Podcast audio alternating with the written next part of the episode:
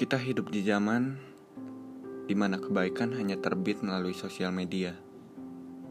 Seolah harga mati yang harus direkam oleh teknologi.